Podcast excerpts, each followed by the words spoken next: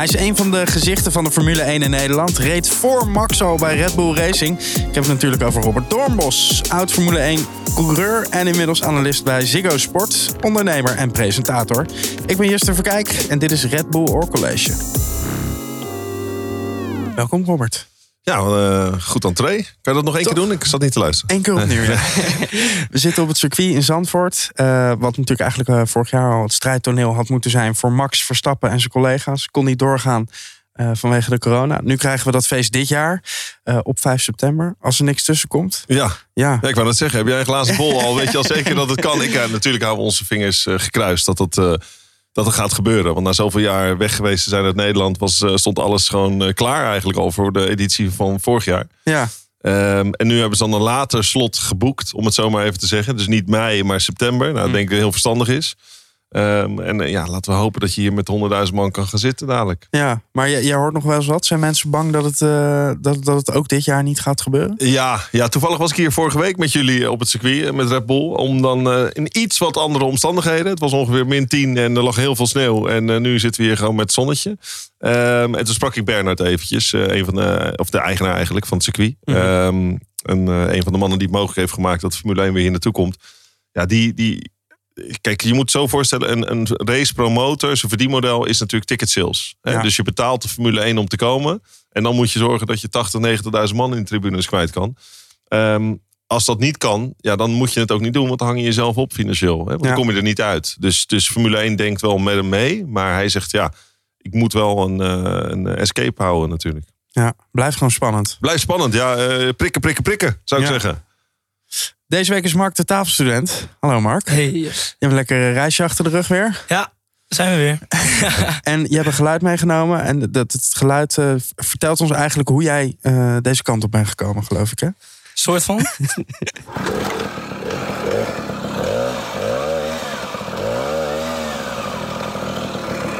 een kettingzaag. Een kettingzaag. Nee, nee, nee. Het is het uh, geluid van mijn tomosje. Ik heb thuis een rood tomosje staan. En het gaat natuurlijk over Formule 1 snelheid ja, Formule 1 auto kan ik niet betalen. Dus uh, hoe ga ik snel door mijn studentenleven op mijn rode Tomosje? Dus ik dacht, ja, als er iets bij een student past en een beetje snelheid, is het toch wel een uh, redelijk goedkoop Tomosje. Lekker makkelijk, en lekker hoe hard snel. gaat hij dan? Ja, 35 denk ik. Iets, iets boven uh, wat mag. Ja, maar geen helm. Heuvel af, win mee. mee. Precies, dan wel.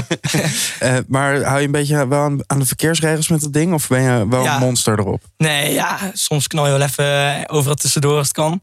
Maar Groningen, ja, alleen maar fietsen. Het is hartstikke druk, dus uh, je moet wel goed opletten. Ja. Maar oh, het is een klein wendbaar dingetje, dus uh, ja. en ben, zo doorheen. Ben je een beetje een Formule 1-kijker? Jawel, jawel. Ik woon in een huis uh, met negen gasten. Dus altijd zijn er wel mensen die het willen kijken. en dan op zaterdag eerst ja, de kwalificatie. Zondag meestal gewoon de race. En dan zitten we gewoon met z'n allen voor de buis. Dus het vind ik altijd wel mooi. Ja. ja. Mooi man. Ja, lachen. Robert, je zei het net al eventjes dat je, dat je hier een paar weken geleden door de sneeuw aan het rijden was. Um, hoe was dat eigenlijk? Ja, hoe was het? Uh, typisch, uh, typisch Red Bull. Uh, Jan die belt me op, dag van tevoren heb je morgen wat te doen. het was natuurlijk heel impulsief allemaal hoe ze het in elkaar hebben gezet. En, maar dat is juist de charme, denk ik. En ik zei, nou, ik heb niks op de agenda staan behalve sneeuwpoppen maken met mijn kinderen. Mm. dat was natuurlijk een enorme bak sneeuw in één keer in Nederland. Ja. hij zei, nou, kom anders even naar het circuit. We hebben wat leuks in gedachten. Ja, dan zeg je meteen ja. Um, een van de laatste keren dat hij me dat vroeg, was het uh, toen reek nog Formule 1 voor Toen zei hij, wat zou je heel leuk vinden om te doen een keer? Iets geks. Ik zei, nou, ik zou wel met de Formule 1 auto op de weg willen rijden. Lijkt me wel lachen. Nederlandse snelweg een keer gewoon trappen met dat ding. Dat is goed, gaan we regelen. Dus dan was het afsluitdijk werd afgezet. En dan heb ik nog een foto thuis hangen dat ik met 326 ben geflitst door oma Gent. Oh, en, ja. Uh, ja, ik denk, uh, dat is overigens geen motivatie voor iemand die nu luistert en denkt van nou, dat kan ik, kan ik nog sneller. Ja, dat gaat met Thomas uh, niet aan. Jij gaat het sowieso niet halen, denk ik. Maar dus, dat zijn allemaal gave dingen. Ja, daar ben je graag Red Bull ambassadeur voor. Ja, en nu door de sneeuw. Had je dat wel eens gedaan? Nog nooit, nog nooit. Nee, ik heb wel eens een keer zo'n uh, Ice Force Clinic gedaan in uh, Lapland. Is dat helemaal in Finland met, met Porsche samen. Onwijs gaaf. Heb je een uh, meer van 70 vierkante kilometer vol met ijs. En uh, mag je met alle auto's rijden. En dat is natuurlijk een hele andere ervaring dan, Ja. dan racen op het circuit. Op het water rijden dan eigenlijk. Ja, gewoon op het ijs. Gewoon Ja. een groot ijsmeer en uh, driften met spikes wel. Ja. Het mooie was, mijn vader werd 60. Ik denk, ik geef dat als cadeau aan hem. En eh, wij vlogen daar naartoe eh, met nog een paar relaties en vrienden. En eh, ik zei tegen die piloot, doe die luikjes naar beneden en die, en die schermen uit. Weet je, dan weet hij niet waar we naartoe gaan. Dus hij dacht dat we gingen golven in eh, Zuid-Portugal. Dus hij had, hij, hij had alleen maar zijn short ingepakt. En, eh, maar we gingen naar Lapland, waar het min 25 was. Dus op een gegeven moment komen landen we en ik spring dat vliegtuig uit. Ik, ik heb die foto nog en dan zie ik die oude staan. De deur gaat open. Staat hij daar in zijn short wapperend en al met min 25 met een rode neus. en ik zo gaan we beginnen. Maar dat was eh, de puur fun. En dat is exact wat ik hier heb meegemaakt. Driften op het, op, in de sneeuw. Het enige verschil was, ja, dat is typisch Red Bull. We hangen nog een atleet erachteraan. Een jonge atleet, Me- Melissa. Eh, die ging met een snowboard. Heb ik die even op sleeptouw genomen over een rondje circuit. Ja. Oeh. Gave content. Ja, hele. Maar, maar het lijkt me doodeng om dan te rijden. Ja, nee, ik merkte aan haar dat ze heel stoer was. Al, oh, zeker voor de leeftijd. Ze was echt eh, nergens bang voor. Ze heeft hier tegen die hekken opgesprongen. Op start-finish heeft ze nog een, eh, een enorme ramp laten bouwen. Eh, en ik zei alleen tegen haar, duimpje omhoog is harder. Ja, ik denk, ga maar zo communiceren. En ik keek in dat spiegeltje en ik zag alleen maar duimpje omhoog. Op een gegeven moment had ze jeuk volgens mij. Toen ben ik nog harder gereden. Maar toen eh, was het, eh, nee, stop, stop. Maar eh, nee, het ging heel goed en was heel leuk om te doen. Voordat jij in de Formule 1 terechtkwam, eh, was je proftennisser. Bijna, Bijna. bijna prof. Hoe, hoe ging dat? Ja, ik nam het wel heel serieus. Ik heb echt alle sporten geprobeerd, eh, behalve curling. Maar van kickboksen, zeilen, noem maar op. Ik was best wel een energiek mannetje vroeger. En tennis was iets wat ik echt, echt gaaf vond om te doen. Raymond Sluiter, die zit een paar jaar boven mij. Of die zat toen een paar jaar ook boven mij in de, in de, in de opleiding, zeg maar. Mm. Ehm, ja, toen droomde ik wel van Wimbledon. Het was vijf dagen in de week trainen in het weekend competitie. Ik zat in de, in de bond van Nederland. Dan kreeg je zo'n mooi trainingspakje, mocht heel Nederland door. En dat is wel die discipline die ik ook had te laten in de autosport. Als je ergens voor gaat, is het blind. Gewoon alles komt op de tweede plaats. Ja. Ehm, maar uiteindelijk ben ik blij dat ik het heb ingeruild voor, voor Silverstone. Of voor Zandvoort, hoe je het wil noemen. Want eh, dat autosportvirus was toch wel iets sterker dan, eh, dan tennis. ja, maar hoe ging die overstap dan? Ja, die overstap was van echt van het een op het andere moment. Mijn vader is een bedrijf die, die, ehm, eh, die sponsorde een team in de Formule 1, Williams. Ehm, een bedrijf waar hij voor werkte. Een Japanse gaafmachinefabrikant. En, ehm, en ik, ik werd uitgenodigd, de VIP-passen, zeg maar. Zoiets wat je, waar wij nu zitten, dat heb je ook bij de Dutch Grand Prix. Dat noem je dan de VIP-plekken. daar komt het team, daar komen eh, de rijders binnen. Nou, zo had ik dat ook meegemaakt in 98 al. Dan was jij er nog niet op je tovels, denk ik. Nee, Wel. nee, nog niet op de tovels. Dat was er wel, maar... Eh, en eh, toen zag ik eh, Jacques Villeneuve, wat toen de regerend wereldkampioen was. Die zat gewoon naast me te lunchen. Ik bedoel, betere passen kon je gewoon niet krijgen. En ik was heel bij de hand het Rotterdams mannetje van 16 jaar. Ik zeg, jeetje, wat toffe job heb jij. Hoe kom je hier zo terecht? Ik had me nog niet heel goed ingelezen. Want zijn vader was Gilles Villeneuve. Gewoon een legendarische wereldkampioen, Formule 1. Zei, ja, mijn vader kon wel een beetje sturen en ik heb het ook maar opgepakt. Maar ik heb altijd kaarten overgeslagen. Ik ben om mijn 16e begonnen. En toen, ping, ging er met mij een lampje aan. Ik denk, kaart overslaan, 16 beginnen. Dit is top. Ja. Ik was onderweg naar huis. Ik had die, die oude aan zijn, aan zijn jas getrokken. Ik zeg, we gaan racen. Een week later kwam ik hier op het circuit aan. En dan rij je dus, als je uit de karting komt, heb je heel die autosportladder naar de top. heb je Formule 4, Formule 3, Formule 2 en uiteindelijk Formule 1. Dus mijn eerste ronde in de Formule 4 hier ging hartstikke goed. Ik zie die man nog, eh, die, mijn vader stond ernaast, die keek echt zo op die rondetijd. Zo van, zo, dit is ongeveer pole position tijd. De tweede ronde was doodstil op de baan. Dan hing ik daar ondersteboven in de hekken. Alle hoeken eraf gereden. Oh nee. Dus dat was het begin, zeg maar. Een hele steile leercurve. Omdat ik natuurlijk nooit die karting-achtergrond had. Dus ik was bloedjesnel, maar ik had niet, geen, eh, geen ervaring. En, ehm, dus dat heb ik snel ingelopen. Maar Ja. Zo is het gegaan. Nooit meer getennist overigens. Antwoord op je vraag, nooit meer getennist. Maar is dat nu denk je nog steeds mogelijk? Gewoon op je 16e beginnen? Want ik heb die docu van Max gekeken. Ja, Nou ja, die was net uit de luiers en die Ja. zat al in de kaart. ja. Eh, kan dat nu denk jij nog steeds? Nou, het, is heel, het, het is heel gek, want het is eigenlijk zonder karting-achtergrond is niemand terechtgekomen in de Formule 1. Volgens mij ben ik echt uniek daarin. eh, ehm, de ervaring die ik miste, dat, daar heb ik wel een prijs voor moeten betalen. Ook in de juniorklasses, weet je. Dat je denkt, oeh, dat had ik toch wel graag willen doen. Eh, had ik liever eerder geweten of je wel of niet de inhaalactie kan wagen. En eh, Max heeft gewoon, ja, wat je zegt, weet je, vanaf eh, drie jaar oud, vier jaar oud, gewoon in, in een go-kart. En ik denk dat je dan wel iets kan, je kan zeker iets vormen. Weet je, die technische kennis, dat natuurlijke talent, dat moet erin zitten. Overigens staat die kaart voor mijn zoon ook al klaar. Dus 2,5. Ja. Mijn vrouw weet het jij- nog niet. jij Maar bent nu hij staat al wel klaar. Jij bent nu onwijs aan het karten, toch? Ja, ik ben nu onwijs aan het karten. Ehm, nee, ja, het hoort erbij. Het kan. Je kan op je 16e beginnen en gelijk in een formuleauto stappen. Het is ook wel eens gebeurd dat jongens uit de karting komen... en dan niet die slag kunnen maken naar formuleauto's. Want je moet daar toch iets, eh, iets minder agressief mee, eh, mee sturen. Ehm, kijk, iedereen heeft zijn eigen pad naar de top. Eh er is niet echt een boekje voor hoe het moet. Maar wat je, Max heeft bijvoorbeeld ook die formuleklasses overgeslagen. Die is in één keer naar Formule 3. Bam, Formule 1. Ehm, dus iedereen heeft zijn eigen verhaal. Maar jouw eerste keer was gewoon gelijk op het circuit eigenlijk. Ja, ja, mijn eerste keer en was gelijk in een raceauto op het circuit. En eh, hier rechtsaf, daar linksaf. Nou, gaan. En, en uiteindelijk werd ik in Nederlands kampioen het eerste jaar nog in die klasse. Maar omdat ik de eerste paar weekenden gecrashed was en de laatste paar races had gewonnen, kwam ik, kwam ik er nog goed uit. Maar ik weet nog wel dat in eh, die eerste paar crashes mijn vader zei: Vind je het wel echt leuk? Weet je wel, want eh, ja, sponsoring vind je dan niet. Hè? Je, moet, je moet je talent laten zien op de baan. En dan moet je, moet je wat support hebben van huis uit. Ja. Uiteindelijk ben je bij Red Bull terechtgekomen. Ja. Hoe ging dat dan? Ja, Red Bull in eh, zeg maar die laatste stap, Formule 2, kwam ik in terecht. Dus eh, Formule 3 Europees had ik gereden. Eh werd je derde in het kampioenschap, ging door naar Formule 2. Nou, dat is dan echt voor, voor broekies van, wat was ik, 18, 19. Dan is dat de plek, eh, de, place to be eigenlijk. Want je rijdt in het voorprogramma van Formule 1. Dus al die Formule 1 teambazen die zien dat nieuwe talent opkomen.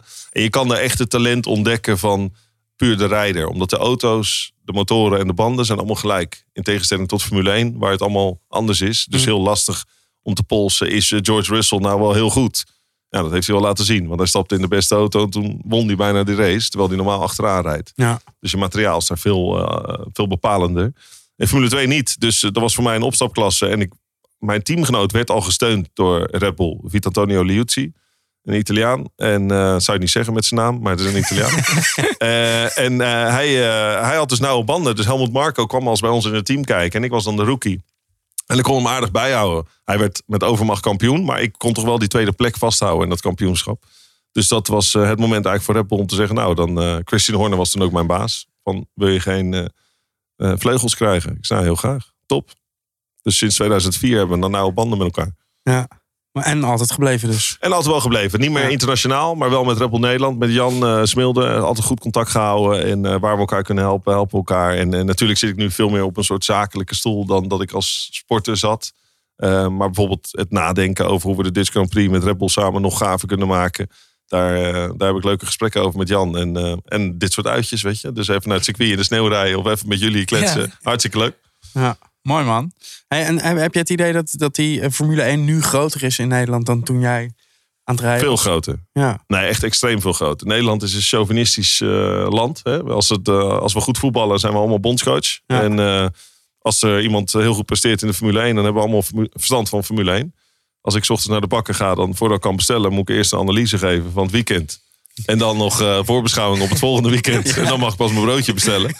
Eh, en 9 van de 10 keer zijn ze het dan wel of niet met je eens. Dus het is heel leuk. Het leeft echt enorm in, in, in Nederland. En dat is allemaal te danken aan, eh, aan Max. ja. Maar vind je dat dan jammer dat het niet zo groot was toen jij meedeed? Nou, ik woonde toen ook niet in Nederland. Hm. Dus ik, ik weet zeker dat het niet zo groot was als dat het nu is. Maar ik, ik woonde zelf ook in het buitenland. Eigenlijk waar Max ook woont. Monaco heb ik ook twintig jaar gewoond. Dus dat was, dan maak je het ook allemaal niet zo mee, die gekte hier. Ja, af en toe als je terugkomt voor een event. Maar ja, dat is logisch. Dan, dan, eh, dan komt iedereen naar jou kijken hier op het circuit. Ja. Ik heb hier ook wel eens Formule 1 demo's gegeven voor Red Bull. Ja, dat is hartstikke gaaf om te doen.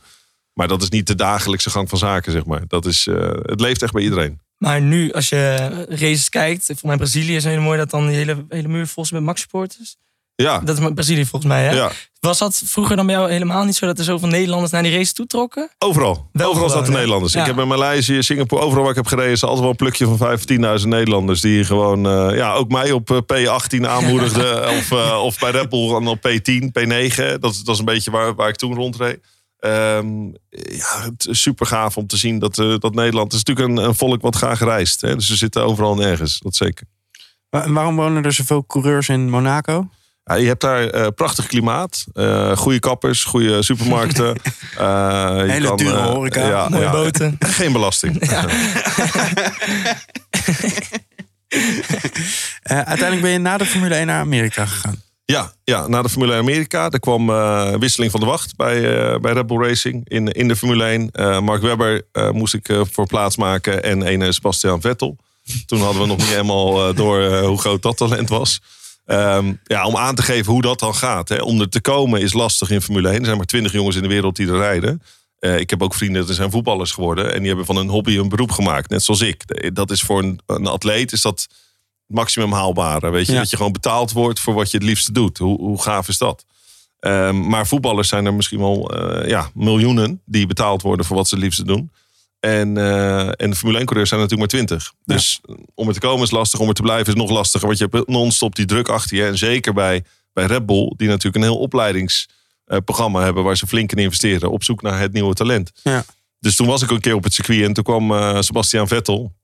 Die kwam aan. En Helmut Marco zei, ja, je moet je auto vanmiddag even afstaan aan Sebastian Vettel. Want die heeft de prijs gewonnen, Formule 3. En hij mag een paar rondjes rijden. Nou, ik keek, ik zag soort brugwippie met zijn rugzak aankomen. Heel dun nekkie. Ik denk, nou, die, die houdt dat nooit vol in die Formule 1 auto, weet je. Maar toch ga je dan even kijken. Dus ik, bij die engineers van rondetijd doet hij. Ik geloof dat hij na vier of vijf rondes zat hij al, kwam hij al redelijk in de buurt van mijn tijd. Toen werd ik lichtelijk nerveus. Ehm, en toen kwam hij naar binnen. Hij zei, ik kan mijn nek niet meer overeind houden. Vanwege de G-krachten. Die zijn natuurlijk enorm in Formule 1. Als je daar niet, ik moest daar, mijn nek nu is een soort van normaal. Maar hij kwam voorheen echt uit mijn oren gewoon zo. Ik zou straks een foto laten zien. Dat moet je anderhalf uur per dag trainen om die G-krachten vol te kunnen houden. Dus na vijf rondjes was Vettel klaar. Ik denk, nou, kom ik mooi weg. maar toen na de lunch deed hij nog een paar rondjes. En toen ging hij toch net even iets harder. Dus dat was om aan te geven. Uiteindelijk was hij twee tienden sneller. Maar twee tienden op een circuit van 4,5 kilometer. Dat, zo rekent het team. Dan zeggen ze, oké, 70 rondes racen. Dat betekent dat hij 15 seconden voor jou finisht. Hè, 14 seconden. Ja. Dus dat is het verschil tussen P2 of P7. En dat is het verschil tussen zoveel punten, zoveel inkomsten. Dus nee, kortom, ik werd gewoon daar weg. eh, eh, ja, ik moest, Gelijk. Ik moest plaatsmaken van- vanuit het racestoeltje naar eh, de teststoel. Nou, dat voelt dan niet, niet, eh, niet lekker. Hè? Want je, bent, eh, je geeft alles om te racen en niet om te testen. Dus toen zeiden ze, nou dan maken we wel plek voor je in Amerika. Dan kan je IndyCar gaan doen daar. Dus je combineerde het dan. Dat was het jaar dat ik het meest heb gevlogen in mijn leven. Ik denk 270 dagen onderweg. En, ehm, en tegelijkertijd kon ik wel gewoon mijn- ja, mijn passie eh, doen. En dat is racen. En dat ging goed daar in Amerika. Hm. Je zei net dat die, die weg eh, om er te komen in die Formule 1, die is, eh, die is lang en, en zwaar. Heb je wel eens dan gedacht om het op te geven? Nou, het is lang, het is zwaar. Het, er is geen boekje voor, wat ik net eerder tegen Mr. Thomas zei. En die, het, het is, het is, ja, je moet eh, een beetje geluk hebben. Je moet op het juiste moment de juiste races winnen. Want het is ook wel eens gebeurd in het verleden dat iemand kampioen wordt in alle klasses, maar toch niet die kans krijgt. En dat heeft ook te maken met, met sponsoring. Je moet het driehoekje compleet hebben. Dus de rijder, het team en de sponsor. En Red Bull heeft vaak dat ze hun talenten gewoon ja, naar voren duwen. Maar er zijn ook een hele hoop jongens die er alleen maar komen met, met de juiste sponsor. Dus ehm, eh, laat ik zo zeggen, ja, die, die, die dosis geluk had ik. Om piekte in Formule 2. Maar ik dwong het ook wel af. Ik ging ook echt als een brutaal jochie naar de Formule 1 teammazen toe. En zeg ik wil Formule 1 rijden. Wat moet ik doen? Weet je, net zolang tot ze gek van je werden. En toen zei er eentje tegen mij. Nou, als je deze Grand Prix wint in Spa. Met eh, een halve minuut voorsprong. Wat eigenlijk nooit gedaan wordt in die klasses. Dan, eh, dan geef ik je wel een kans. Top. Dat was Eddie Jordan. En ik won die race. Geloof met 37 seconden voorsprong. Ik sprong uit die auto. Links was het podium. Maar rechts was dat gele motor. Ik trok een sprint naar die Eddie Jordan. Ik zeg, kijk, kijk, kijk, ik heb gewonnen. Hij zei, nou, ik moet nog even met je sponsoren praten. Maar eh, dan krijg je een kans. En dan zat ik echt le- letterlijk drie weken later in een Formule 1 auto. Dus je, je moet soms ook... Ja, een brutaal mens heeft de halve wereld. En die andere helft moet je zelf bij pakken. Ja, mooi man. Ik kijk niet naar dat. eh, Nee, niet naar het ja, ja, later wel. Maar ik denk, ik loop nu in die paddock. hè. Gaaf. Maar, Mark, we gaan naar de eerste bull charge. Yes, helemaal goed. Eh, ja, iedere aflevering krijgen de studenten uit heel Nederland de kans om een voice memo in te sturen. Oh, leuk. En een eh, vraag te stellen aan de, de gast eh, van die aflevering.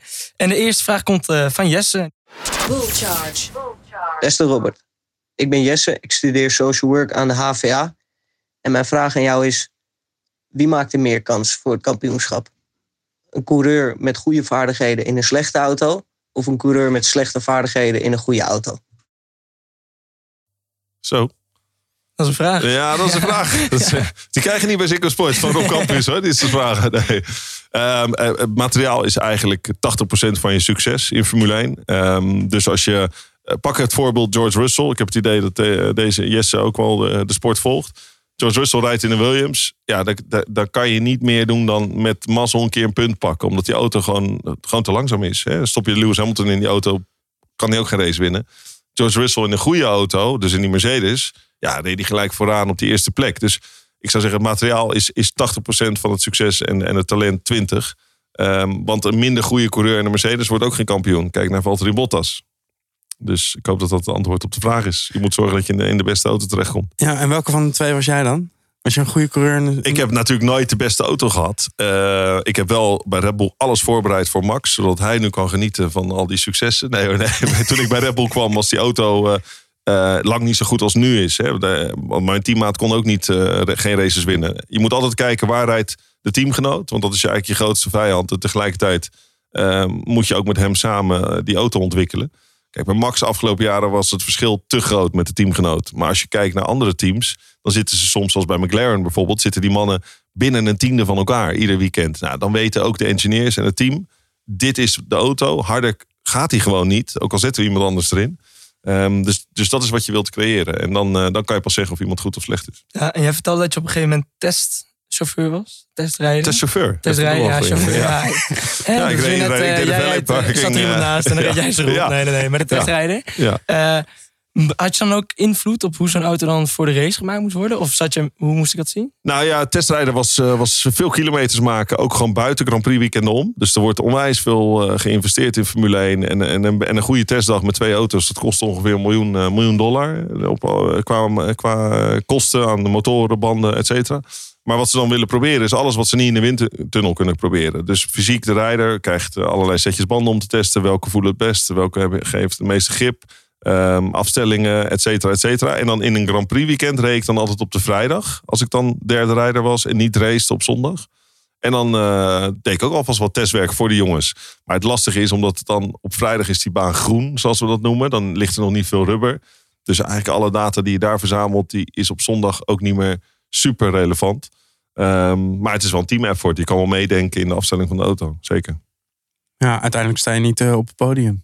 Je staat tot zondag niet op het podium, nee. Dus dat ging snel vervelen. Want meestal stond ik op zondag dan... eh, of zat ik alweer in een vliegtuig... of ik kwam eh, net eh, uit, een, uit een club zaterdagavond. Weet je, want ik hoefde toch niet meer te rijden. Weet je, zaterdagmiddag kreeg je dan de call... ja, je mag nu niet meer instappen. Ja. Oké, ja, dan gaan we even gaan we op stap. We zijn nu toch in Montreal. Gaan we even kijken wat er te doen is. Ja. Maar, maar ja, weet je, dus dat, de- als sportman geef je daar niet heel je leven op. Ik trainde vijf uur per dag, altijd uitgebalanceerd. eh.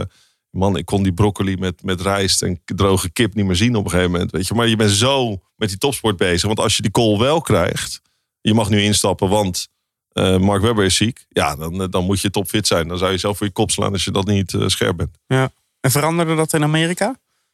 Nee, want in Amerika werd ik eigenlijk alleen nog maar fitter en beter. En in Amerika was het, de auto's waren weer gelijk. Dus ik kwam daar aan. Het eerste weekend werd ik gelijk tweede in Las Vegas. En dan had ik nog een keer zeven podiums achter elkaar. Dus je hebt nooit een tweede kans voor een goede eerste indruk. Dus Ja. bij mij was het eerst toen ik aankwam Robert Dornbobs, Robert Dornbobs van Formule 1. Weet je wel.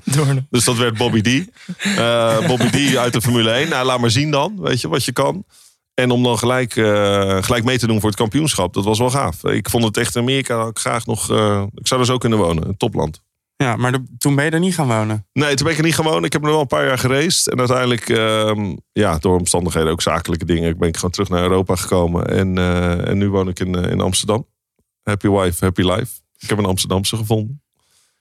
Dus dat is, dat is eigenlijk je roots. Ik bedoel, Amerika is een prachtig land. Maar dan moet je ook wel als sportman er wat te doen hebben. En op een gegeven moment ja, viel die kans weg om daar te blijven racen. Dus eh, teruggekomen.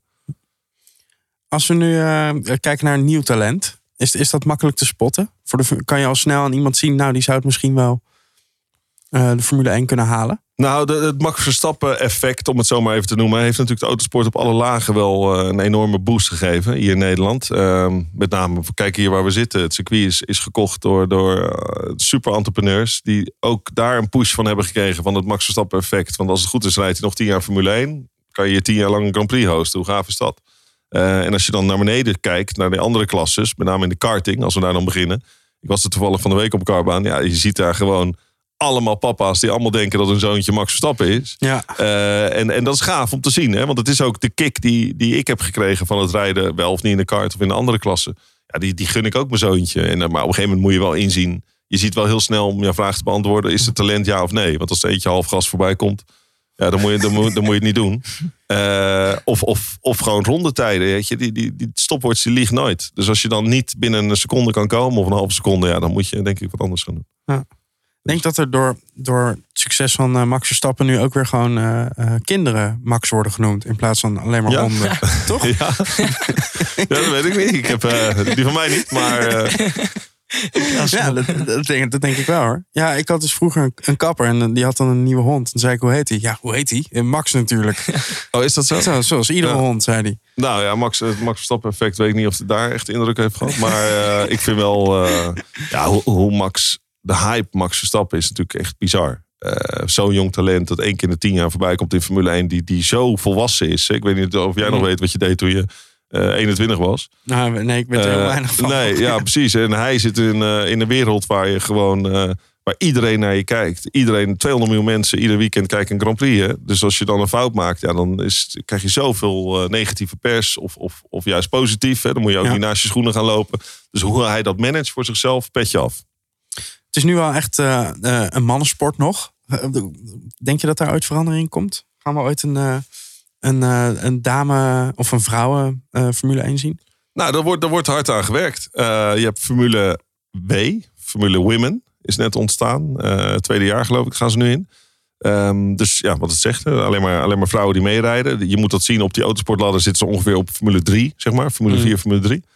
En dan heb je Formule 2. En daar heb ik wel eens één keer een meisje mee zien rijden. Of een vrouw. Maar die, die, ja, het leek wel door fysieke kracht. Je moet uitkijken wat je zegt natuurlijk. Er zitten hier nog een paar vrouwen in de zaal. maar ehm, eh, misschien door fysieke krachten. Dat ze dan uiteindelijk niet die laatste sprong kunnen maken. Eh, in Amerika heb ik gereden tegen een dame, eh, Danica Patrick. Uitermate succesvol op de ovals. Hè, dat zijn die grote maar, ova- ovale circuits. Die, ehm, daar speelde gewicht en fysieke kracht niet echt een rol. Gewicht juist wel in het voordeel van haar, omdat ze zo licht was. Maar je hoeft er niet heel hard aan het stuur te draaien. Eh, en daar was ze gewoon bloedsnel. Daar heeft ze zelfs nog een keer een Grand Prix gewonnen. Heeft ze mij ook wel eens verslagen. En meerdere coureurs. Weet je, dat je denkt, oké, nou, moest je dan even aan wennen. Weet je, dat dan... maar ehm, het kan. Het kan zeker. En ik hoop ook dat Formule 1 zelf gaat ook veel investeren nu daarin. Dat eh, het nieuwe vrouwelijke talent ontdekt wordt. Ja. En, en eh, zou het dan ook gemixt kunnen zijn voor de Formule 1? Ja, nee, ze zijn Ja. welkom. Het is niet, Ja. eh, nee, zeker. Ik bedoel, je ziet nu heel veel vrouwelijke engineers die ook opkomen. Eh, soms de monteurs. Het is natuurlijk echt wel een mannenwereld, eh, Ja. de pitbox. Maar nu, omdat de Formule 1 de wereld van big data een enorme rol speelt, krijg je ook heel veel eh, slimme koppies. Eh, dus er zitten bij Red Bull zitten ook eh, veel, veel dames op de knoppen te drukken om, om het juiste resultaat te halen. Het zou wel tof zijn. Zeker, Ja. zeker. We- Grid Girls ook, mogen ook weer terugkomen. Grid Girls? ja, ja, ja, Ik ja. zag een fotootje van je, volgens mij. Ja, die goede oude Ja, tijd, ja, jongens. Die was mooi. Ja. Ja, ja, ja. Ja, hoe lang is dat nu al zonder? Niet zo heel lang nog. Een paar toch? jaar nu. eh, ja.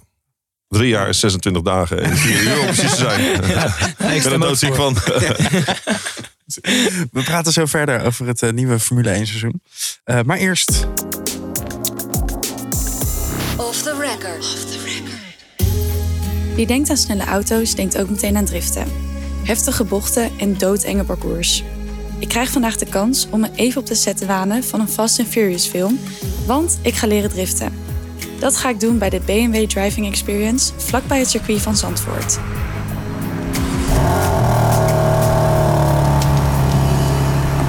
Nou, ik weet niet of jullie het kunnen horen, maar ehm, je hoort de raceauto's op het circuit gewoon rijden. Echt super vet. Goedemorgen. Welkom bij BMW Driving Experience. Dankjewel. Nou, vandaag gaan we een aantal dingen doen. We hebben de J-turn. En eh, als je waker bent van een staatshoofd en eh, stel je komt ergens, kom je een straat in en er zijn allemaal terroristen die staan je op te wachten. Dan wil je eigenlijk zo snel mogelijk wil je die straat weer uit. Nou, hoe doe je dat? Dan ga je zo snel mogelijk achteruit, geef je stuur een zwieper, draai je 180 graden en kan je zo vooruit de straat uitrijden. Oké, net als in de film. Net als in de film. Dat is precies. Die, eh, die wordt in de film wordt heel veel gebruikt. Oké. Hallo. Ja. Hoe zit je? Goed, denk ik. Tafel zo? Misschien moet ik nog iets naar voren. Ja? Ja? Helemaal goed. Dan eh, ga ik zitten, dan gaan wij naar de eerste oefening gaan we rijden. Dus je mag zo het achter me aankomen rijden. Ja, ga je gang. Gat, gat, gat. Ga vlot,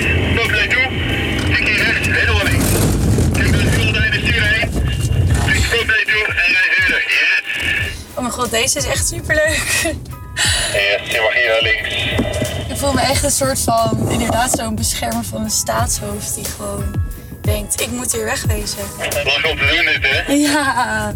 Dus op deze manier kan je eh, onze koning, koning Willem-Alexander, kan je mooi beschermen. En nu weet je wat je moet doen als jij zijn limo driver bent. En, eh, en je komt bij, de bij terrorist in de straat. Weet je hoe je die J-turn maakt. Nou, ik zit in de auto, ik ga zo lekker terugrijden naar Enschede. Of ik het op de manier ga doen zoals ik net heb geleerd, dat weet ik nog niet. Maar in ieder geval, het was echt super vet. Ik zit nog helemaal vol van adrenaline. En nu ga ik lekker naar huis rijden. Leren driften. Je zou het misschien niet snel bedenken als activiteit voor op de zondagmiddag. Maar het is zeker de moeite waard. Ik heb gelachen, geleerd, doodsangst uitgestaan. En echt, ik ben blij dat ik nog leef. Maar al met al was het echt een topdag. Seizoen 2020 was natuurlijk ook eh, eh, eh, ja, de Formule 1 een hartstikke gek jaar. De hoop was hoog voor Max. Snel bleek dat Mercedes ook vorig jaar niet te overtreffen was. Had jij dat verwacht? Ja, Mercedes is extreem dominant de afgelopen jaren. En als je kijkt naar, de, naar het verleden, dan zie je dat teams vier, max vijf jaar lang echt aan de top zijn. En dan, en dan verliezen ze dat weer even, dat momentum. En dan komt er weer iemand anders naar boven. Hè. Zoals Red Bull Racing had gewoon vier jaar achter elkaar eh, de titel te pakken. In, in beide kampioenschappen, bij de rijders en bij de constructeurs. Ja, dan denk je Mercedes komt op, gaaf. Eh, maar dan blijft dat gaan. Dat is gewoon ongekend. En, en eh, een van de dingen is natuurlijk reglementswijzigingen in Formule 1. Dat is, dat is heel belangrijk. Eh, dat, dat wordt bijna ieder jaar toegepast. En af en toe een hele grote. En in 2014 was dan een van die hele grote. eh, het wisselen van het motorenreglement. Ja, en dan, dan moet Bull Racing, wat natuurlijk een privateer is. Hè, ze zijn goed in het maken van energieblikjes, eh, energiedrankjes in blikjes. Ehm, maar die, geen, die bouwen geen motoren. En Mercedes bouwt wel motoren. Dus die hebben 1900 man werken aan dat nieuwe project. De hybride motoren. Die werden geïntroduceerd in 2014. En dat bleek gewoon een kanon van een motor. Betrouwbaar. En, en ja, de concurrentie was nergens. Ferrari, Honda, Renault, nergens. En dat was... ehm, eh, een, van- of is een van de succesfactoren voor Mercedes. Dus dat is altijd voor Red Bull hun Achilleshiel geweest. Van hoe kunnen we dat gevecht nou aangaan? Eh, ze hebben bewezen dat het wel kan. Hè, met een klantenmotor Renault zijn ze vier keer kampioen geworden. Maar Mercedes had zo'n voorsprong. Dat eh, ja, Lewis Hamilton heeft daar goed gegokt om daar naartoe te gaan. Hij heeft dat echt wel, wel overwogen gedaan. En die plukt daar de vruchten van. Dus ja, weet je, wedden tegen Mercedes, dan ben je wel... eh, nou ja, Ja. dan ben je niet goed, Nick. Maar blijft het moeilijk? Het blijft moeilijk, want ze hebben, ze hebben, kijk, eh, ze hebben gewoon die voorsprong. Ze hebben, ze hebben marge. Eh, en dat zag je in Abu Dhabi de laatste race. Voor mij, jij, zit, jij volgt het ook. dan zie je gewoon dat ze, dat ze daar eigenlijk opgeven. Ik bedoel, alle titels waren binnen. En we schroeven de motor wel, wel even een stukje terug. En dat is het performance betrouwbaarheid. In Formule 1 is heel belangrijk. Dus je gaat sleutelen aan die performance. Ja, dan verlies je weer op betrouwbaarheid. En dan heb je ge- geen punten. En dat is exact wat er met Max fout ging afgelopen jaar. Althans met zijn team. Want ik heb hem op weinig fouten kunnen betrappen op eh, Budapest na. Ehm, en dan zie je dat zijn team gewoon ja, daar vijf keer uitvalt met een motorprobleem. dus als je dat niet. En elke keer een kansrijke positie, hè, minimaal top drie. Dus dat zijn als je het optelt misschien wel 100 punten die je weggooit. Ja, dan Ja. ziet zo'n kampioenschap er natuurlijk heel anders uit. Ehm, en dus zolang dat eh, niet onder controle is, dan blijft het lastig om Mercedes te verslaan. Wordt het niet uiteindelijk ook gewoon elektrisch, de Formule 1? Dan maakt eh, het Red Bull Racing hoop natuurlijk wel weer kans. Nee, dat, dat, dat duurt nog wel even. Dat, eh, het, het zal ooit een dag wel in die richting gaan. Want als je ziet hoe snel die vlucht gaat momenteel van Ja. eh, elektrisch rijden. Ehm, je hebt Formule E. eh, dat is een kampioenschap met echt elektrische formuleauto's. Ja, geloof me, dat is appels met peren vergelijken. Als je daarnaar gaat kijken, dat, zijn- het zijn botsauto's. En je hoort wat gezoem en er staat een DJ te draaien. En het is, eh, op tv ziet het er nog wel spectaculair uit. Maar er is eigenlijk niet echt die fanbeleving die je in Formule 1 hebt. Fan, ik als klein jongetje werd vroeger wakker in, in Monaco en dan hoorde je die motoren rijden. Maar kippenvel, weet je, of je gaat naar een circuit in Spa, je, hoort ze in de, in de verte aankomen. Dat is, dat is Formule 1. Dat is een eh, veel meer fanbeleving. Dus eh, als je elektrisch gaat rijden, ja, dan, eh, dan heb je dat een stuk minder. Heb jij geen eh, elektrische bak voor de deur staan? Ik, nou, ik heb hem nu niet bij me. Oh, oké. Uh, want ik was met het gezin even op pad, dus het, het ging niet alles in. Maar ik ben inderdaad over als, als echte petrolhead. Hè, de stroombenzine door mijn aderen. Dus Porsche zei tegen mij van, nou jongens, we zijn al jaren met jou bezig en leuk. We hebben nu een kanon, elektrisch. ik zei, ja, dat moet je niet bij mij zijn. Weet je, ik was er heel sceptisch in. En toen zei ze, nee, nee, geloof me, dit is echt, echt gaaf. 760 pk. Nou, toen dacht ik, oh, dat klinkt wel aardig. ik zeg, maar hoeveel weegt het dan? 2200 kilo. Dat is misschien wat aan de, uh, aan de hoge kant. Ik heb ermee gereden. De eerste keer launch control drukken in. Mijn wangen zaten gelijk achter mijn oren. En, en 0 naar 100 in twee seconden. Ik denk, wat is dit voor kanon? Echt waanzinnig. Um, dus toen ben ik overgestapt daarop. En het enige wat je moet doen is, je moet hem plannen. Zoals jij mij volgde ja. hier naartoe vanmorgen. dat ik niet wist. Uh, is dit? Uh, rolde ik uiteindelijk een benzinepomp in met ja. de auto van mijn vrouw. Uh, om daar weer vol te denken. Want ik keek echt letterlijk. Ik dacht, oh shit, nog maar twee kilometer. Weet je, even kijken waar een pomp is. Bij elektrisch rijden moet je daar eventjes op uh, aanpassen. Dus je moet s'nachts laden, s ochtends weg. Denk je, oké, okay, ik heb 300 kilometer bereik. Nou, ik rijd nog wel eens 400, 500 op een dag. Dus dan moet je dat even plannen. Maar dat moet ik ook zeggen, dat is waanzinnig geregeld. Als je dat gewoon online intoetst, dan stuurt hij je naar een fastnetpaal. Dan ja. laat je in uh, 20 minuten 80% weer van die auto. En dan ga je weer met de kanon. Batterij ja. vol en uh, tien keer per dag launch control. Ik heb het al naar mijn zin. Lekker, ja. lekker. Goed. Uh, Mark, we gaan naar de volgende vraag. Ja, de volgende Bull Charge die komt van uh, Barbara. En uh, het gaat over wat te verwachten van Max komend seizoen. Bull Charge. Hoi, eh, ik ben Barbara, 22 jaar en ik studeer Supply Chain Management aan de Erasmus Universiteit in Rotterdam. En wat ik wil weten is eh, wat ik van Max dit seizoen verwacht. Ja, Max, Max, Max. Kijk, Max is er klaar voor. Eh, Max heeft nu meerdere malen bewezen dat hij eh, klaar is voor die volgende stap. Om zo maar te zeggen. Hè. Races winnen in Formule 1 is één ding. Maar een kampioenschap winnen, eh, dat is toch heel wat anders. Dus en hij heeft bewezen dat hij eigenlijk geen fouten meer maakt. Ik, noemde even Hongarije. Dat heeft hij dan ook nog wel heel mooi gecorrigeerd. Er was nog tweede te worden. Maar hij reed eigenlijk die auto plat net voor de race. Ehm, en daarna zie je hem eigenlijk gewoon als teamleider rondlopen. En zeggen: Jongens, geef me nu het materiaal om, om, om dat gevecht aan te gaan met Lewis Hamilton. Waar we allemaal zo naar snakken. Dat we het hem eh, een keer moeilijk maken, de, de Brit in dienst van Mercedes. Ik bedoel, die is ook echt gewoon een levende legende. Maar hij heeft natuurlijk altijd wel het juiste materiaal. Dus als Max, in mijn optiek, is nu dit jaar de beste winter ever. En dat zeggen we al jaren, dat het een hele goede winter is. En dan blijkt dat ze toch weer even met 1-0 achterstand aankomen in Ja. Australië. Maar waarom is dit wel het beste jaar? Omdat de reglementen niet gewijzigd zijn. Eh, of minimaal. Dus 10% downforce van de vloer af. Ehm, en nog een paar kleine dingen en dat was hem wel. Dus, dus Honda heeft ook hun laatste jaar nu met, met Red Bull. Daarna stoppen ze ermee. Dus die willen ook eh, met een borst vooruit eh, die paddock verlaten. Want die zijn een paar jaar terug zijn ze bij McLaren de paddock uitgelopen. Met de staart tussen de benen. Dan was het helemaal niks. Dus die zeggen, ja, we zitten nu zo dicht bij Mercedes. Laten we gewoon al onze resources, en dat zijn veel, hè, die pompen er gewoon 500 miljoen in per jaar in die motor die ontwikkelen. Ja. Kijken of we dat gat kunnen dichten naar Mercedes en tegelijkertijd betrouwbaar kunnen blijven. En dan geven we Max alle tools om het te doen. Kijk, en, en we moeten nog steeds eh, super blij zijn als, als een Nederlander vijf races wint in een seizoen. Dat is te gek. Maar met vijf races winnen word je geen kampioen op 23 races. Dus hij moet er dit jaar 10 winnen, wil hij wil die echt het gevecht aan kunnen. Ja, en eh, Lewis heeft nu bijgetekend. Een jaartje bijgetekend. Ja, Dus het wordt een... eh, met een battle. auto die eigenlijk al gewoon klaar is voor een achtste titel. Ja. Dus, dus die, ehm, ja, dat willen we allemaal zo graag zien. Een wiel-aan-wiel battle. En dat vind ik ook wel weer de charme van Formule 1. Ik bedoel, Mercedes, je kan zeggen, ja, het is misschien saai. Maar ja, ze hebben wel gewoon het beste hun huiswerk gedaan. Eh, ze hebben het gewoon heel goed voor elkaar. Red Bull kan dat gat dichten met Honda. Daar lijkt het op. Eh, Ferrari moet ook weer terug naar de top. Team als McLaren moet je ook in de gaten houden. Dus het is, eh, het is nog niet zo makkelijk om even eh, kampioen te worden. Ja, en een volle kalender. Hele volle kalender. 23 weekenden. Ja, er wordt nog wat geschoven links en rechts nu vanwege COVID. Toch de pandemie die, die heel de wereld raakt natuurlijk. Australië, de, normaal de opener van het seizoen. Die hebben gezegd, wij willen liever toch wat later in het seizoen proberen om hem te kunnen hosten. Ja, je trekt natuurlijk zoveel mensen op de been. Zeker bij stratencircuits, zoals Monaco. Ik ben heel blij dat die gewoon eh, nu doorgaat, zoals het lijkt. Maar ja, dat, dat, dat is een risico. Want dan krijg je natuurlijk heel veel mensen op een klein... Op één vierkante kilometer bijna Ja. in Monaco. Ehm, dus ja, dat is, eh, ik kijk ernaar uit. 23 races, kom erop. Ja, maar maakt dat het nog moeilijker? Nou, het maakt het moeilijker in die zin omdat je, je vraagt meer van mensen en machine. Je hebt soms eh, triple headers, zoals ze dat noemen. Dus drie weekenden achter elkaar. Ja, dat is wel pittig voor, voor eh, met name de monteurs. En eh, kijk, die coureurs die, die kunnen het s'avonds terugvliegen naar huis en eh, zich weer opladen en weer terugkomen.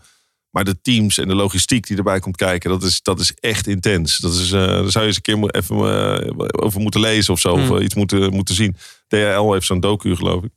Ehm, dat is, dat is, maar dat is ook de topsport. Ehm, dus of het, of het verschil maakt, ja, je moet je auto ontwikkelen om op alle circuits goed te zijn. En wat Mercedes bijvoorbeeld goed doet, die zeggen wij willen op de medium tot snelle circuits willen we gewoon pieken. En dat wil zeggen dus eh, zo'n baan als hier of eh, Spa of noem maar op. En op de straatcircuits, waar je eigenlijk een kortere wielbasis nodig hebt, die laten we wel zitten en dan doen we damage control. Dan worden we derde of we worden vierde of misschien een keer mazzel tweede. En dat zie je ook. Op die circuits zijn ze nooit zo dominant. Ehm, kijk, en als je dat hebt, dan, dan heb je een beetje de, de leiding over hoe je het kampioenschap gaat uitspelen. Terwijl als je nu als, als Red Bull, die komt aan met een auto, ja, die probeert eigenlijk op elk weekend de snelste auto te bouwen. Maar ja, dat, lukt niemand. Dus eh, strategie. En vorig jaar waren er een aantal races waar dan geen of weinig publiek was. Ehm, stel dat ze dit jaar hetzelfde zijn en Zandvoort aan de beurt. Gaat het dan wel gewoon door, ook al komt er geen publiek? Of gaat het alleen door als die helemaal vol staat? Nou, het gaat niet door als er geen publiek kan komen. Dat, dat is. eh, Dat is wel helemaal Gaat, gaat hij failliet, toch? Ja, nee, dan, dan, klopt, dan klopt zijn eh verdienmodel niet als race promoter. Hè? Dus dan schuift hij hem op. Hè? Dat mag dan wel. Dus hij heeft een driejarige deal. Of Zandvoort heeft een driejarige deal. Gaat het niet door dit jaar? Ja, dan schuif je die hele deal op. Ehm, maar, maar om het dan met 40.000 man te doen. Ja, natuurlijk willen we het allemaal. Ja. Maar eh, je komt financieel niet uit. Dus eh, je antwoord op je vraag, nee. Dus prikken, prikken, prikken. En dan kunnen we met 100.000 man hier naartoe. We gaan naar de volgende Bull Charge. Ja, dan laatst alweer. Want eh, ook Julian Roordink heeft een vraag over de kansen van Red Bull komend seizoen. Dus, eh, Bull Charge. Hey Robert, ik ben Julian Roordink. Ik studeer sociologie aan de Rijksuniversiteit in Groningen en ik ben tevens van jongs af aan al een groot Formule 1-fan. Een wereldkampioenschap is ons de afgelopen jaren al meermaals beloofd door het Formule 1-team van Red Bull. Maar deze droom werd eigenlijk elk jaar weer uitgesteld. Nu vraag ik mij dus af of Red Bull dit jaar eindelijk wel het materiaal heeft om wereldkampioen te worden in de Formule 1. Ja, hij heeft niet zitten luisteren net, hè, naar mijn antwoord. Dan. Kunnen we op repeat drukken? dat, dat, eh, ook ook voor, eh, voor dit antwoord geldt hetzelfde. Hè. Dus de, de, de voorbereidingen, de reglementswijzigingen zijn minimaal. Eh, dat speelt allemaal in het voordeel van. Kijk, waar Red Bull echt last van heeft gehad is de afgelopen jaren... dat ze inderdaad in de winter testen zeiden van... nou, dit ziet er wel goed uit. Hè. Alles wat we in de winter ontwerken, eh, ontwikkelen... en wat we op de computer zien... Maar toch op het circuit bleek het dan allemaal net even niet te kloppen. En dat noemen ze dan correlatie, die dan, eh, dat, waar ergens iets fout gaat in, in, de, in het berekenen van die formules. Vanuit de windtunnel naar het circuit. Ehm, en ja, en dan loop je in de Formule 1 eigenlijk, als je niet mee kan ontwikkelen gelijk vanaf het begin. Ja, dan, dan begin je gewoon met 1-0 achterstand en loop je achter de feiten aan. En wat Red Bull dan wel heel knap doet, altijd over de afgelopen jaren, is dat ze in het seizoen sneller ontwikkelen dan wie dan ook. Dus ze gaan echt Ehm, ze verkleinen dat gat. Maar ja, dan, dan zijn de punten al eh, verdeeld. Ja, maar beloven ze niet te veel dan? Dat is Ehm, eigenlijk wat hij vraagt, toch? Ja, en uiteindelijk is het natuurlijk een rijder kan ook zeggen van... oké, je belooft me elke keer dat het materiaal goed genoeg is. Dus, eh, en blijkt dat het niet goed genoeg is. Dus daardoor krijg je nu, en met name Max heeft dat in zijn contract... performance clausules over en weer. En zo hou je elkaar eerlijk. Red Bull heeft Max ontdekt. Eh, althans, Jos heeft Max ontdekt. Daarna eh, kwam Red Bull. Eh, en, en die zegt, ja, wij willen deze diamant, die hebben we groot gemaakt. Dat is, dat is een van de grootste talenten ooit. Die, die willen we houden. Daarmee willen we kampioen worden. En Max zegt, ja jongens, ik ben jullie heel dankbaar om hier te komen. En we hebben allemaal diezelfde doelen. Maar ik wil ook echt kampioen worden. En als jullie het materiaal niet kunnen geven, ja, dan moet ik weg kunnen. Ja. En, en Red Bull is, daar staat daar ook gewoon zo in. Ze hebben dat ook bij Vettel gedaan. Als zij dus niet kunnen voldoen aan de eisen over en weer. En dat geldt ook andersom. Hè. Als Max eh, zou underperformen, ja, dan krijgt hij ook op zijn flikker. Of kan hij ook eh, Hmm. problemen krijgen. Maar in dit geval is het echt, ligt echt het balletje bij Red Bull om te zorgen dat alles klopt. En met name dat die auto betrouwbaar is. In het begin van het seizoen. Want daar, eh, daar, daar slaat Mercedes altijd de slag. vliegende start. Vliegende start. Ja. Geef je vleugels. Gas erop. Eh, en los van materiaal, wie is dan een betere coureur? Max Verstappen of Lewis Hamilton? Ja, dat is de vraag die iedereen wil beantwoorden. En natuurlijk zeggen we hier Max Verstappen. Want we zitten hier in Zandvoort. Ehm eh, Lewis Hamilton ja, mag je gewoon niet onderschatten wat, wat hij heeft gepresteerd. Hij is de greatest of all time. Ehm, maar heeft altijd wel het beste materiaal gehad. Dus je zou ze allebei heel graag in dezelfde auto willen zien. Ik denk eerder dat Max zegt, tuurlijk sta ik voor open. En dat Lewis zegt, van, nou, wachten we nog een jaartje mee. Ehm, en eh, dus tot die tijd eh, moet je gewoon kijken naar de feiten. En moet je zeggen, Lewis Hamilton is, is de betere. Eh, maar Max is nog hartstikke jong. Dus eh, ik denk dat hij eh, uiteindelijk de grootste gaat worden. Gaat hij wereldkampioen worden? Of hij ooit acht titels gaat pakken, weet ik niet. Maar hij gaat zeker een keer een titel pakken. Ja, dat is, daar ben ik echt van overtuigd. Want alles, al- alles wordt gezet. Of het nou bij Red Bull is, wat natuurlijk het hele plaatje compleet zou maken. of bij een ander team. Max, die, die wordt kampioen. Als we toch even teruggaan naar het afgelopen jaar en die race die hier plaats zou vinden, die niet doorging. Ging je slecht toen? Nee, nou, het is niet. Kijk, ik. ik, Ziggo Sport is begonnen als, als weekendjob. Hè. Formule 1 was in 2016 natuurlijk niet zo hot als dat het nu is. En, eh, of 2015. Toen Max net begon. Niemand kon weten hoe goed hij was. Maar het is natuurlijk uit, uitgegroeid. Ik bedoel, we hebben eh, echt bij topraces bijna 2 miljoen kijkers. Ja, dat had eh, bij Ziggo Sport. ging daar ook gewoon de, de champagne tegen het dak aan. Hadden ze ook nooit verwacht. En dat geeft aan hoe, hoe het leeft. En, en natuurlijk, als die race niet doorgaat, zuur echt zuur, maar er ging heel veel niet door. Eh, Ik had de theatershow net afgerond, gelukkig de laatste. Ik had eh, nog eh, 60 lezingen staan door het land. Alles ging in één keer niet door. En dat geldt voor alle ondernemers. Dus de COVID, eh, die, eh, nee, de- je hoeft niet medelijden met mij te hebben, absoluut niet. Maar eh, ik, gok, ik schakel ook op meerdere borden. Het is niet dat ik alleen maar Formule 1 doe. Ja. Maar zakelijk word ik ook geraakt door COVID. En eh, dat is voor iedereen een ding. Ja, maar ik had het meer gewoon ook als, als, als liefhebber. Als die, dat het eindelijk weer hier was. En, Dat zeker. Nee, daar wel. Toen heb ik wel even een aan feutushouding op, op de maar. bank gelegen met mijn duim in mijn mond.